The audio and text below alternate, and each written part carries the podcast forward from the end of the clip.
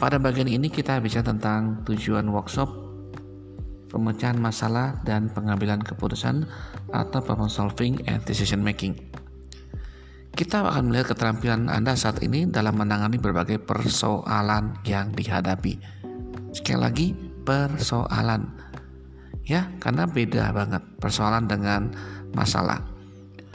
Untuk kali ini kita akan belajar menangani berbagai persoalan yang kompleks. Berikutnya kita akan belajar menganalisa masalah. Yang berikutnya adalah kita bagaimana mengambil keputusan, mengantisipasi timbulnya masalah, dan serta meningkatkan peluang yang dapat kita ciptakan. Anda juga bisa belajar mengajukan pertanyaan secara sistematis melalui studi kasus dan lainnya. Yang lebih daripada itu adalah Anda bisa mempraktikkan konsep-konsep itu di dalam dunia kerja Anda. Saya akan mulai dengan peran dan fungsi manajer. Sebenarnya apa sih peran kita sebagai fungsi dan fungsi kita sebagai manajer? Tujuan kita adalah memastikan pencapaian hasil kerja KPI yang telah ditetapkan sebelumnya. Ada lima pertanyaan mendasar untuk kita tanyakan kepada diri sendiri. Yang pertama, apa yang sedang kita hadapi saat ini? Kedua, mengapa hal tersebut terjadi? Ketiga, tindakan apa yang harus dilakukan. Keempat, antisipasi apa yang harus dilakukan. Dan kelima, peluang apa yang harus ditingkatkan. Di dalam problem solving and decision making, yang penting adalah bisa tentang IPO. Apa tuh IPO? IPO adalah I-nya input, P-nya proses, dan O-nya output. Kita hanya bisa dapat meningkatkan kualitas keputusan dengan cara memperbaiki yang pertama adalah memperbaiki kualitas masukan itu sendiri. Masukan atau berupa informasi haruslah benar, tepat waktu, dan relevan. Sedangkan jika kita ingin memperbaiki kualitas proses, kita harus lakukan hal berikut. Proses adalah serangkaian langkah-langkah sistematis yang diperlukan untuk pencapaian suatu tujuan. Masih ingat napa nangka ketika breakdown KPI ketika kita ingin mencapai suatu tujuan? Yang pertama adalah Anda harus analisa data dulu. Yang kedua Anda bikin schedule, jadwal. Ketiga juga Anda harus buat undangan ya, undangan training misalnya. Yang keempat Anda lakukan eksekusi training. Yang kelima Anda buat laporan. Yang keenam Anda tinjau hasilnya. Ketujuh Anda buat action plan dan delapan monitoring. Kurang lebih itulah proses yaitu serangkaian langkah-langkah sistematis yang diperlukan untuk mencapai suatu tujuan. Di bagian sisi yang lain, input bisa berupa pengetahuan, pengalaman, dan penilaian. Dan ketiga hal tersebut kita ubah menjadi sebuah informasi. Kemudian dalam proses berpikir dikumpulkan, disortir, disusun, dianalisa, dikonfirmasi kebenarannya. Maka Hasilnya adalah sebagai berikut. Satu, penyelesaian masalah. Kedua, keputusan terbaik. Ketiga, antisipasi masalah dan peluang ditingkatkan. Mari kita sebuah ilustrasi ingat sebuah ilustrasi tentang bagaimana membuat meja kayu yang berkualitas tinggi. Perhatikan inputnya. Anda harus menentukan kayu jenis apa yang terbaik. Kayu jati misalnya. Tukang tukang yang berpengalaman seperti apa yang berapa lama. Perkakas kaca mungkin untuk meja makan misalnya. Cat pelitur ampas dan seterusnya. Kemudian sumber daya tersebut dilakukan prosesnya itu diukur dipotong di ampas kasar ampas halus di assembly di finishing disimpan di gudang maka jadilah outputnya berupa meja kayu yang berkualitas tinggi itu adalah sistem IPO. Sekarang kita akan masuk ke lebih dalam tentang bagaimana empat analisa berpikir sistematik. Yang perlu kita ketahui, yang penting adalah analisa situasi. Ini terjadi saat ini. Situasi ini sangat penting karena tidak ada pernah buku ataupun pelajaran mengajarkan bagaimana Anda menganalisa situasi. Situasi nanti kita akan bahas lebih dalam. Tapi yang kita bahas sekarang adalah alurnya dulu. Setelah situasi kedua adalah masalah. Masalah biasa terjadi di masa lalu. Masa lalu mempunyai penyebab. Oleh karena itu kita harus mendapatkan root cause atau penyebab akar masalahnya supaya kita bisa ambil tindakan dan mengantisipasi hasilnya. Terkadang persoalan juga berupa tentang sebuah keputusan. Keputusan biasanya dihadapi dengan pilihan-pilihan. Pilihlah keputusan yang benar. Setelah keputusan yang benar, kita harus mengantisipasinya juga. Dan terakhir, persoalan yang ketiga adalah masalah antisipasi. Antisipasi bisa berupa asuransi ataupun penjaminan untuk masa depan, garansi, seperti begitu. Karena kita lihat, kalau kita perdalam lebih lanjut, ada empat hal yang bisa kita lakukan. Pertama-tama Anda harus menganalisis situasi. Jika itu bermasalah, maka Anda harus menentukan keputusan dan mengantisipasinya. Sebagai contoh, atap rumah saya bocor. Saya punya dua opsi, satu kerjakan sendiri, dua suruh tukang. Saya pilih opsi kedua, suruh tukang, karena saya tidak bisa membetulkan atap. Ketiga, setelah suruh tukang, saya minta tukang tersebut menggunakan aquaproof ataupun jenis yang lainnya untuk mencegah supaya atap saya tidak bocor lagi. Hal kedua kita bicara tentang keputusan. Misalnya saya ingin membeli handphone baru, ada dua hal alternatif. Maka saya harus memilih satu di antara dua. Dan yang berikutnya adalah apa pun merek handphonenya, saya harus mengcover dia dengan casing. Itulah mencegah supaya handphone saya tidak rusak. Itu bicara tentang keputusan dengan antisipasi.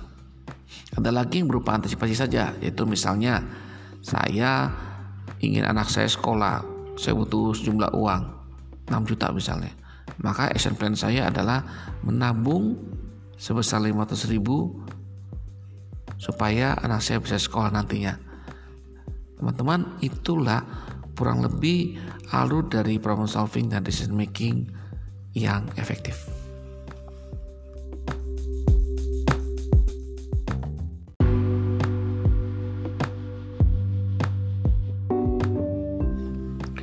Pada bagian yang kedua ini saya mau bahas secara detail tentang penilaian situasi. Apakah itu penilaian situasi? Penilaian situasi adalah suatu proses sistematis untuk merencanakan penyelesaian suatu persoalan atau concern. Bahasa Inggrisnya concern atau kepedulian.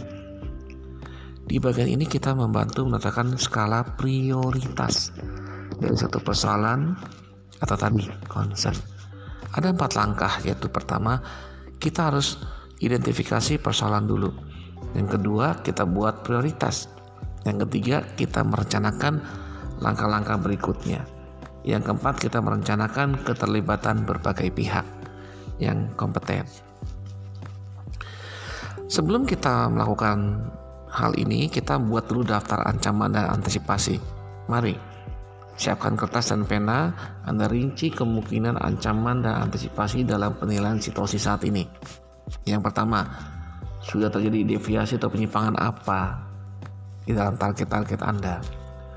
Kedua, keputusan apa yang harus segera ambil. Ketiga, rencana mana yang harus dijalankan terlebih dahulu.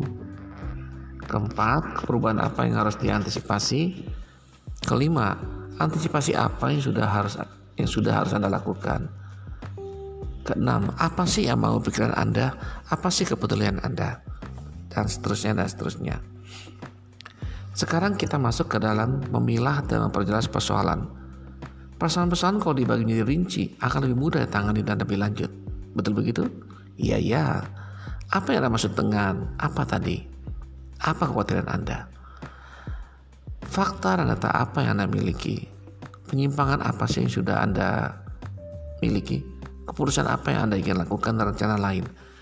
Jawaban yang Anda dapatkan mungkin berbeda dengan apa yang Anda pikirkan tadi sebelumnya. Gak apa-apa, itu adalah bagian dari proses. Contoh persoalan detailnya. Misalnya, satu, penurunan penjualan diperkirakan 10% pada semester ini.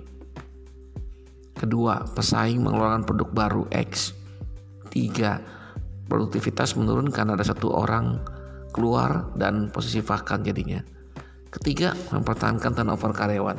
Mungkin contoh di atas adalah salah satu masalah yang dihadapi oleh bagian yang penting di dalam organisasi Anda. Kemudian kita langkah kedua. Langkah kedua adalah menentukan prioritas. Ada tiga pertimbangan yang bisa digunakan untuk menentukan skala prioritas masalah yaitu persoalan maksudnya. Satu tingkat keseriusan, tinggi, sedang atau rendah.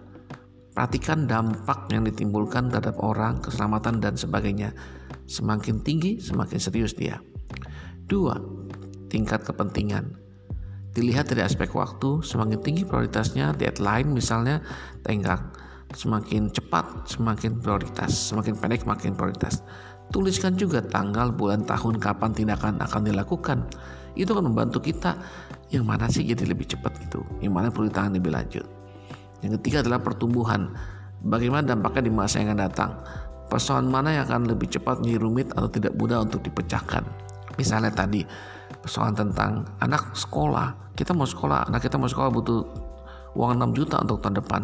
Semakin anda menunda-nunda menabung sebesar 500 ribu sebulan maka dampaknya akan semakin besar di bagian ketiga kita tentukan analisa yang dibutuhkan. Menarik loh, di sini ada lima pertanyaan yang digunakan. Contoh, apakah ada deviasi atau penyimpangan? Apakah sebabnya tidak diketahui? Yang ketiga, apakah kita perlu tahu sebabnya? Jikalau ketiga jawaban itu ya ya ya, itu masalah. Yang keempat, apakah kita dihadapi oleh pilihan-pilihan Bila stop di pertanyaan keempat itu, itu keputusan. Yang kelima, apa kita punya tindakan antisipasi atau perencanaan? Itu ada dua kemungkinan, apakah antisipasi ataupun peluang. Mari kita contoh satu persatu. Contohnya adalah tadi masalah tentang atap bocor. Yuk kita uji dengan lima pertanyaan ini. Atap rumah saya bocor. Apakah ada penyimpangan? Iya. Apakah sebabnya tidak diketahui? Iya. Apa kita perlu tahu sebabnya? Iya. Maka ini masalah. Cepat-cepat panggil tukang, dibereskan keputusannya tadi setelah dibereskan di aquaproof. Jadi ada masalah, atapnya bocor, suruh tukang diperbaiki dan diantisipasi dengan aquaproof supaya itu tidak terjadi bocor lagi di masa yang akan datang. Contoh kedua, saya mau beli handphone nih. Kita uji yuk dengan lima pertanyaan. Satu, ada penyimpangan nggak? Tidak. Kalau tidak ya langsung ke nomor empat. Apakah kita oleh pilihan-pilihan? Iya, stop. Berarti ada datang ke sebuah lokasi tempat penjualan handphone, pilih-pilih mana yang sesuai kebutuhan. Setelah dapat, belilah. Pilihlah Kemudian setelah yang kelima, apakah punya antisipasi? Iya, belilah casing supaya tidak jatuh. Kalau apal jatuh tidak rusak, maksudnya begitu. Ya, itu adalah pertanyaan yang keempat dan kelima. Sekarang kalau yang lain, tadi kita contoh lagi sama saya ingin anak saya sekolah tahun depan dan butuh uang 6 juta. Kita lihat yuk, apakah ada penyimpangan? Tidak kan tahun depan masa lalu. Kalau masalah masa lalu. Nomor empat punya pilihan nggak. Enggak anak saya harus sekolah. Itu bagian dari rencana saya. Oke nomor lima. Anda punya punya tindakan antisipasi nggak atau rencana? Iya. Maka semua ujung-ujungnya dari solving decision making adalah diantisipasi. Bisa berupa potensi masalah analisanya bisa juga potensi peluang. Perencanaan dalam hal ini adalah perencanaan. Oleh karena itu, apa yang saya bisa lakukan untuk mengantisipasi supaya anak saya tidak sekolah? Otomatis Anda harus menyisihkan uang sebesar 500 ribu rupiah per bulannya supaya anak Anda bisa sekolah tahun depan. Karena uang 6 juta cukup untuk membiayai anak Anda sekolah. Teman-teman, demikianlah untuk hal ini itu di situ dengan lima pertanyaan. Satu, apakah ada penyimpangan? Apakah sebab tidak diketahui? Nomor tiga, apa kita perlu tahu sebabnya? Dan empat, apa kita dihadapi pilihan-pilihan? Dan yang kelima adalah apakah kita punya tindakan antisipasi atau perencanaan? Eh, tapi tunggu dulu, kita masih ada yang lain, Itu di bagian keempat menentukan bantuan yang dibutuhkan. Tentukan kalau tadi kan bicara bantuan apa yang diperlukan dan kapan. Kita harus bisa mengantisipasi. Kalau tabungan sendiri kita bisa, tetapi kalau kita gagal mencapai tujuan tersebut, kita bisa bantuan, misalnya pinjam uang sama teman, operasi dan lain-lainnya. Kita juga harus memikirkan siapa yang harus terlibat. Misalnya tadi kalau bicara betulkan itu ya, membetulkan atap yang bocor, tukang, ya, apalagi. Dan terakhir dalam menentukan bantuan yang dibutuhkan ini yang paling penting adalah deadline.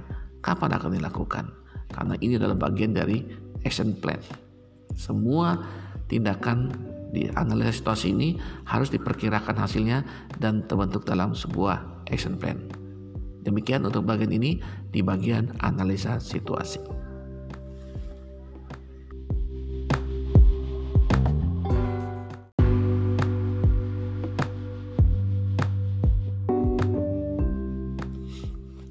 Kita sekarang masuk ke bagian kedua yaitu analisa masalah.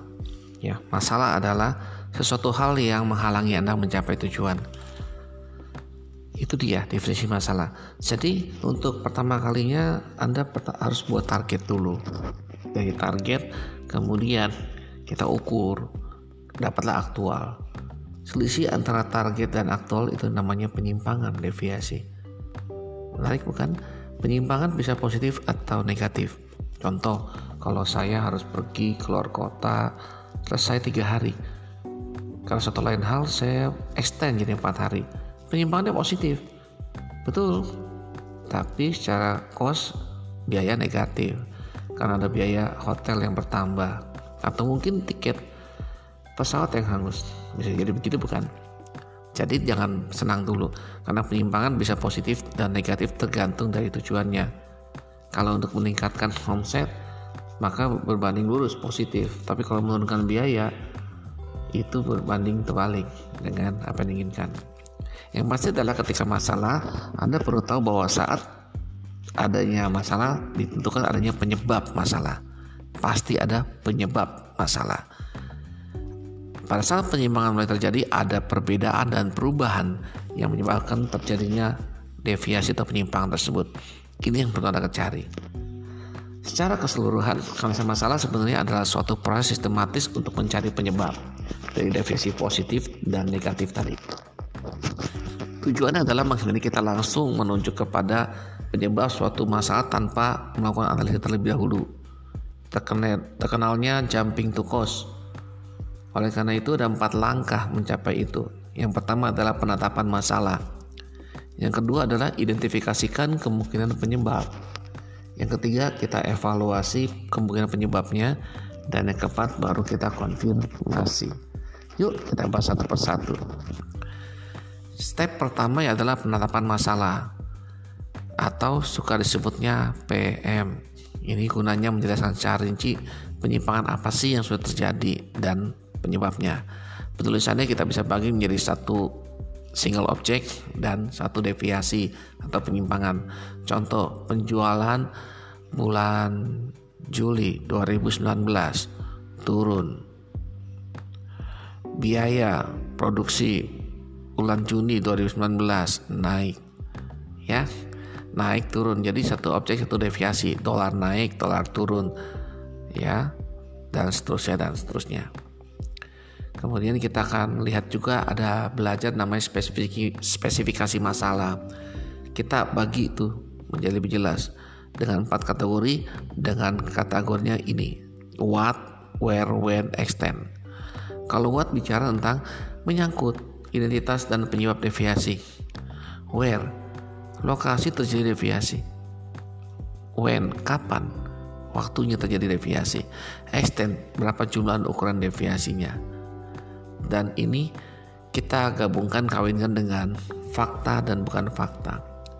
Fakta berguna mendeskripsikan masalah secara rinci, sedangkan bukan fakta mempersempit data fakta dan membantu menghilangkan penyebab-penyebab yang tidak relevan.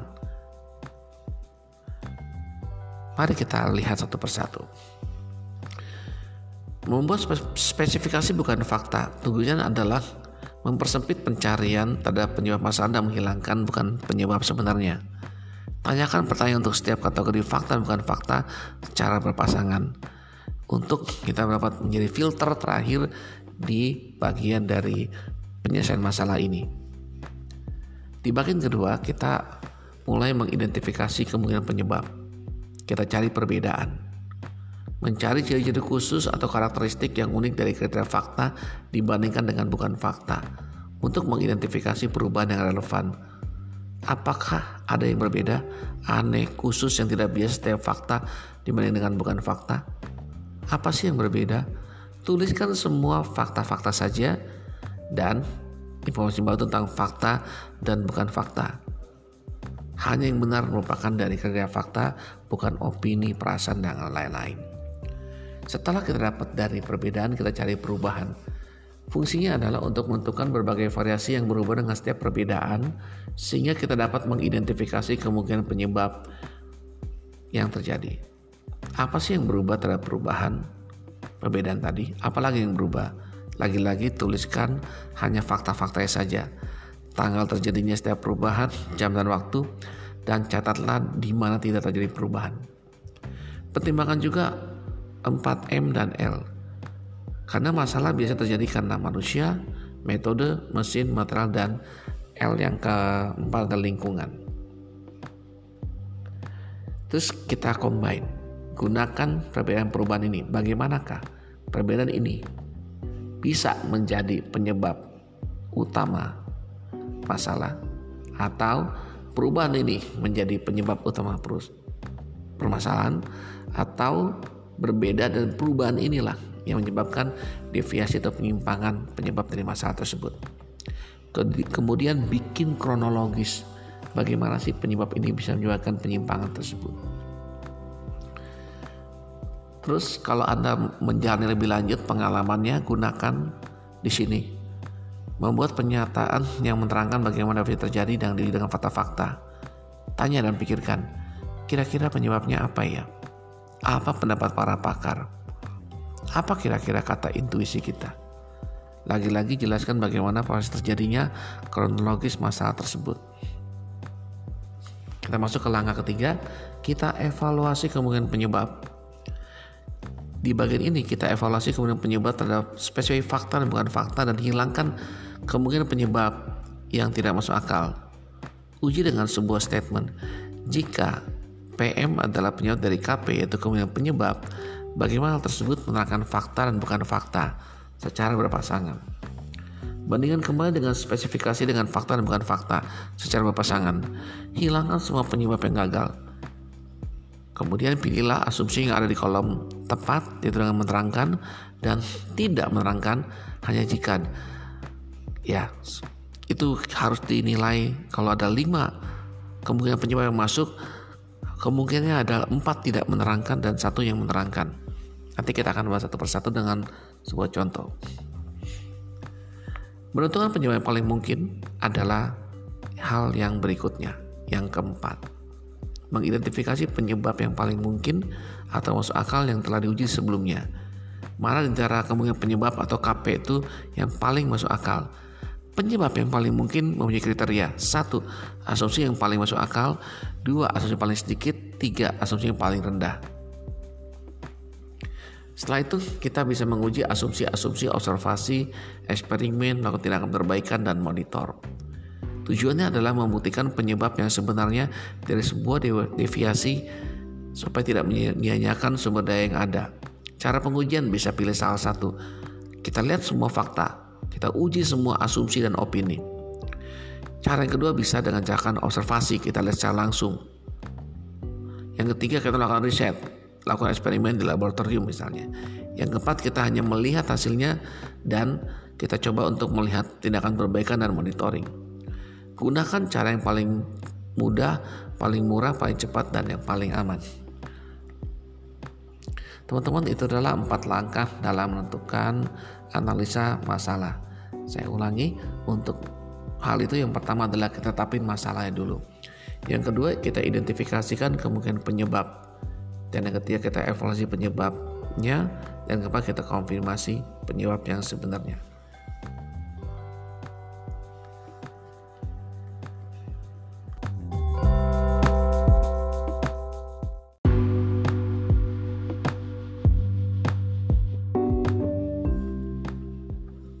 Bagian ketiga adalah analisa keputusan atau AK.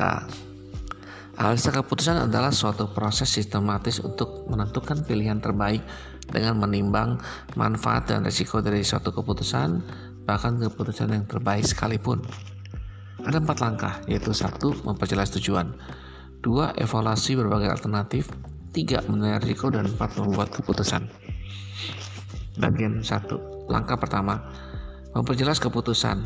Suatu pernyataan singkat yang mengabarkan hasil yang ingin dicapai dari sebuah keputusan supaya kita tetap fokus. Tentukan apa yang perlu kita putuskan.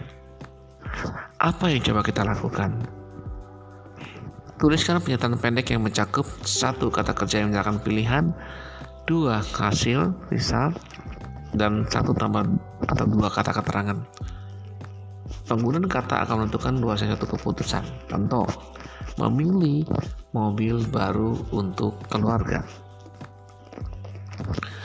Setelah itu kita tentukan sasaran. Kita bisa mengidentifikasikan kriteria yang akan mempengaruhi pilihan. Tanyakan hasil apa yang kita inginkan. Sumber-sumber apa yang harus kita gunakan atau hemat seperti orang, peralatan, uang, waktu, dan ruang. Undang-undang atau peraturan apa yang perlu kita pertimbangkan. Setelah menentukan itu, kita klasifikasikan sasaran ke dalam sasaran wajib dan sasaran keinginan. Untuk menentukan tingkat pentingnya sasaran objektif pada suatu keputusan, tanyakan jika sasaran ini mandatory harus dicapai, apakah measurable terukur, apakah realistik dapat dipenuhi. Jika jawabannya iya iya iya itu adalah sasaran wajib. Contoh, saya mau beli mobil, budget saya itu maksimum 200 juta. Apakah harus dicapai? Iya. Apakah terukur? Iya, 200 juta. Apakah realistik? Iya. Mobil yang mahal banyak. Berarti itulah standar yang mas harus. Yang lainnya misalnya bisa berupa warna merah misalnya. Apakah harus capai? Iya, itu keinginan saya dan istri saya. Terukur nggak? Hmm, agak sulit ya merahnya. Realistik nggak? Realistik. Menarik. Ini mandatory, realistik tapi tidak terukur. Maka ini menjadi sasaran won saja. Bisa jadi nanti mobilnya harga 200 juta tapi warna bisa beda. Is oke. Okay. yang penting fungsinya bukan casingnya. Setelah itu setiap keinginan kita kita bobot. Warna AC yang lain-lainnya. Kita bobot 1 sampai 10 di mana 10 makin penting dan tidak makin penting. Setelah itu pada bagian kedua baru kita masuk ke dealer dalam arti di bagian kedua ini kita step kedua ini kita evaluasi berbagai alternatif. Pilihan apa yang kita miliki? Kita lihat lagi nyata keputusannya sasaran utamanya semua informasi dari pakar-pakar katalog. Kita buat alternatif tanpa evaluasi. Mobil-mobil kalau dalam mobil merek-merek mobil yang kita ketahui masukin di sini. Kemudian kita lakukan screening kepada sebuah alternatif terhadap pasangan wajib tentukan apakah alternatif sesuai dengan kriteria Mas. Ya, misalnya Alphard. Apakah Alphard 200 juta? Tidak ada, berarti gagal. Kalau misalnya Avanza bisa masuk. Tentukan kriterianya iya apa enggak. Hilangkan semua alternatif yang tidak sesuai. Setelah itu kita bandingkan untuk masing-masing kategori. Contoh, kalau untuk mobil kategorinya adalah dari segi harga apalagi delivery apalagi dari segi warna tadi AC ya kan? After sales service pepat dan lain-lainnya. Totalin totalin nanti setiap merek itu mendapat nilai tertentu dan berdasarkan bobot penilaian. Langkah ketiga kita nilai risiko kita identifikasi risiko negatif yang akan muncul atas pilihan serta menimbang risikonya. Tanyakan, jika kita milih ini, apakah yang akan terjadi? Contoh, jika Anda membeli mobil, apa yang terjadi? Apakah Anda menerima risiko jika hilang? Jadi kita buat format jika maka. Jika mobil diparkir sembarangan, maka mobil akan hilang jika mobil dipakai sembarangan, kemungkinan tinggi sedang terendah. Tinggi. Jakarta lahan sempit. Mobil akan hilang. Kemungkinan gimana? Tinggi. Karena ya tahu sendiri bisa mobil hilang sekejap dalam waktu kurang dari dua menit. Berarti itu resiko. Resiko apa lagi muncul ketika kita beli mobil? Resiko kecelakaan. Jika terjadi tabrakan, maka keselamatan supir terancam. Kalau mobil Avanza, ya terancam nggak? Tidak, rendah. Kalau mobilnya semacam yang tidak ada itunya, ujungnya depan mesinnya itu tinggi, dipertimbangkan. Terakhir, kita masuk ke langkah keempat membuat keputusan. Saya tanya kepada Anda, apakah Anda bersedia jika beli mobil ini dengan risiko hilang, kecelakaan, atau di Jakarta banjir misalnya? Apakah Anda berani menerima risikonya? Jika iya, selesai. Proses pengambilan keputusan selesai. Jika tidak, ya kita tawarkan mobil-mobil berikutnya. Teman-teman, keuntungan dari analisa keputusan ini adalah kita mempersingkat waktu berbeda dengan decision tree atau pohon keputusan misalnya sebuah keputusan ada tiga kemungkinan ya dan dari tiga kemungkinan tersebut beranak tiga lagi ya tiga kali tiga sembilan maka anda harus menganalisa sembilan sembilannya itu kalau tiga kali tiga kalau tiga kali empat kalau tiga kali sepuluh wow sedangkan ada proses ini keputusannya hanya kalau ada empat alternatif satu persatu jika satu sudah beres tiga kita eliminasi satu tidak beres, kita ambil yang kedua. Kedua yang beres, sisanya kita eliminasi dan seterusnya. Ini salah satu cara pengambilan keputusan cepat. Dan ada lagi tips untuk mulai cepat yaitu Anda hanya pertimbangkan sasaran emas aja. Misalnya, untuk beli mobil saya butuh budget yang 200 juta aja. Kemudian harus berkapasitas 6 orang dengan delivery time satu bulan. Dengan mempertimbangkan tiga kategori emas ini, abaikan warna, abaikan AC dan lain-lainnya, maka Anda bisa dengan cepat mengambil keputusan. Itu.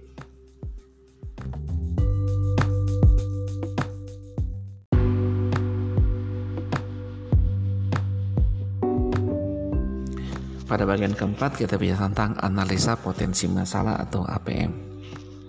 Analisa potensi masalah adalah suatu proses sistematis untuk mengantisipasi timbulnya suatu masalah. Untuk menghindari timbulnya tindakan reaktif, empat langkah. Yang pertama adalah identifikasi potensi masalah. Yang kedua, identifikasi kemungkinan penyebab. Yang ketiga adalah mengambil tindakan pencegahan. Yang keempat, melaksanakan tindakan darurat dan sinyalnya.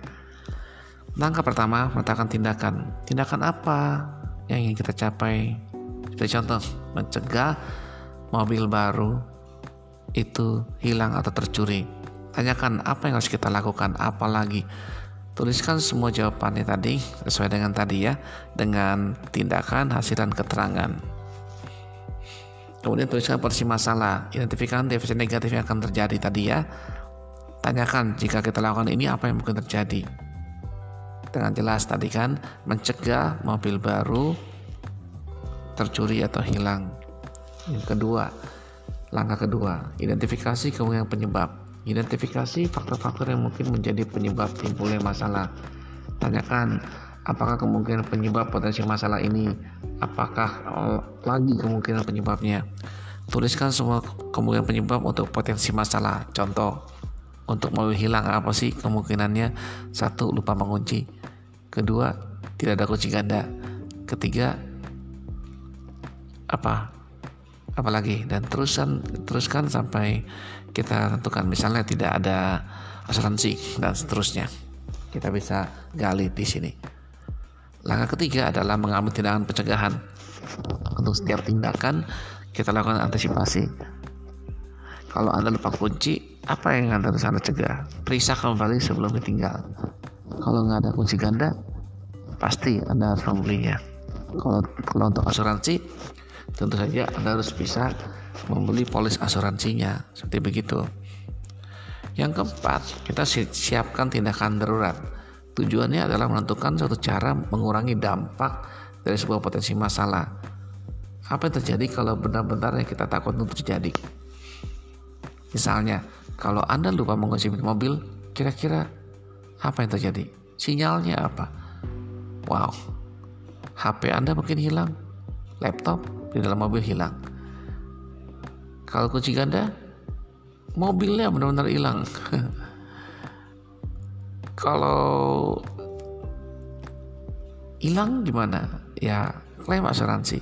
Jadi tindakan darurat itu kita siapkan untuk mengantisipasi jika hal yang benar-benar buruk terjadi ya sedangkan sinyal tandanya adalah bisa kita antisipasi sebelumnya. Ada juga sinyal berupa misalnya kalau Anda nggak punya alarm mobil, tandanya apa yang harus Anda tindakan ketika alarm mobil berbunyi?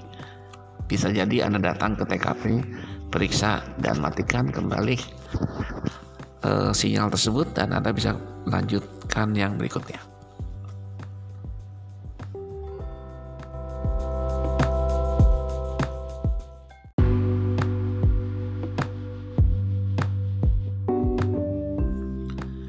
Untuk bagian kelima yang terakhir dalam problem solving decision making adalah analisa potensi peluang.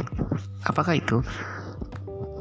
Suatu proses sistematis untuk mendorong timbulnya suatu peluang lagi-lagi untuk menghindari timbul tindakan reaktif. Pertama ada identifikasi potensi peluang. Yang kedua identifikasi kemungkinan penyebab. Yang ketiga mengambil tindakan kapitalisasi. Yang keempat merencanakan tindakan promosi dan sinyalnya. Pada bagian pertama tentukan langkah pertama menetapkan tindakan. Tentukan tindakan dan hasil yang ingin dicapai. Misalnya Anda ingin membuat personal branding ya dan mencapai hasil yang Anda ingin tentukan terhadap follower tentukan tentukan apa yang harus Anda lakukan apalagi ya tuliskan jawaban dalam bentuk pernyataan secara singkat tindakan hasil dan keterangan tuliskan potensi peluang mengidentifikasikan definisi positif yang akan timbul jika Anda menjadi terkenal personal brand apa yang akan terjadi? Anda menjadi influencer misalnya. Tanyakan jika kita lakukan ini apa yang mungkin terjadi? Peluang apa yang mungkin ditimbulkan dari tindakan ini? Tuliskan cara diskusi buatlah spesifik pisahkan dalam sebuah format objek dan deviasi. Dan kerjakan satu persatu potensi peluang yang Anda lakukan satu persatu misalnya Anda masakan di lewat Facebook. Apa yang terjadi? Lewat Twitter dan lain-lainnya. Pada step kedua identifikasi penyebab. Kenapa Anda pilih Facebook? Kenapa Anda pilih Twitter? Kenapa Anda pilih Instagram? Dan seterusnya. Kita mengidentifikasi faktor-faktor yang mungkin menjadi penyebab timbulnya peluang keberhasilan. Tanyakan apakah mungkin penyebab peluang keberhasilan ini? Apalagi kemungkinan penyebabnya Tuliskan semua kemungkinan penyebab ini untuk setiap potensi peluang. Jelaskan bagaimana setiap kemungkinan penyebab dapat menimbulkan potensi peluang tadi. Di bagian tiga, kami tindakan kapitalisasi, suatu usaha untuk mencegah kemungkinan penyebabnya supaya meningkatkan keberhasilan. Penyebabnya bukan penyebab kegagalan tapi penyebab keberhasilan. Supaya peluangnya lebih besar. Selain Anda main Facebook, bisa jadi Anda pakai Facebook Ads, menambahkan sebuah sejumlah uang untuk mendapatkan hal yang bisa anda inginkan bisa gitu. Ya. Dan seterusnya dan anda tentukan berapa sih jumlah yang bisa anda tentukan untuk mencapai hal tersebut. Yang terakhir kapan anda lakukan? Jika follower anda sudah mencapai jumlah bilangan tertentu misalnya anda akan menambahkan Facebook Ads. Kemudian anda bisa ke main lewat lagi uh, youtuber atau yang lain-lain.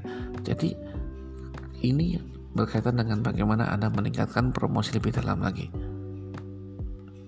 Ya jadi untuk bagian peluang ini ya semua lagi cari peluang termasuk saya. Saya juga lagi meningkatkan personal branding dengan salah satu cara ini dengan podcasting misalnya dan lakukan blogging, vlogging apa pun itu untuk meningkatkan personal branding kita.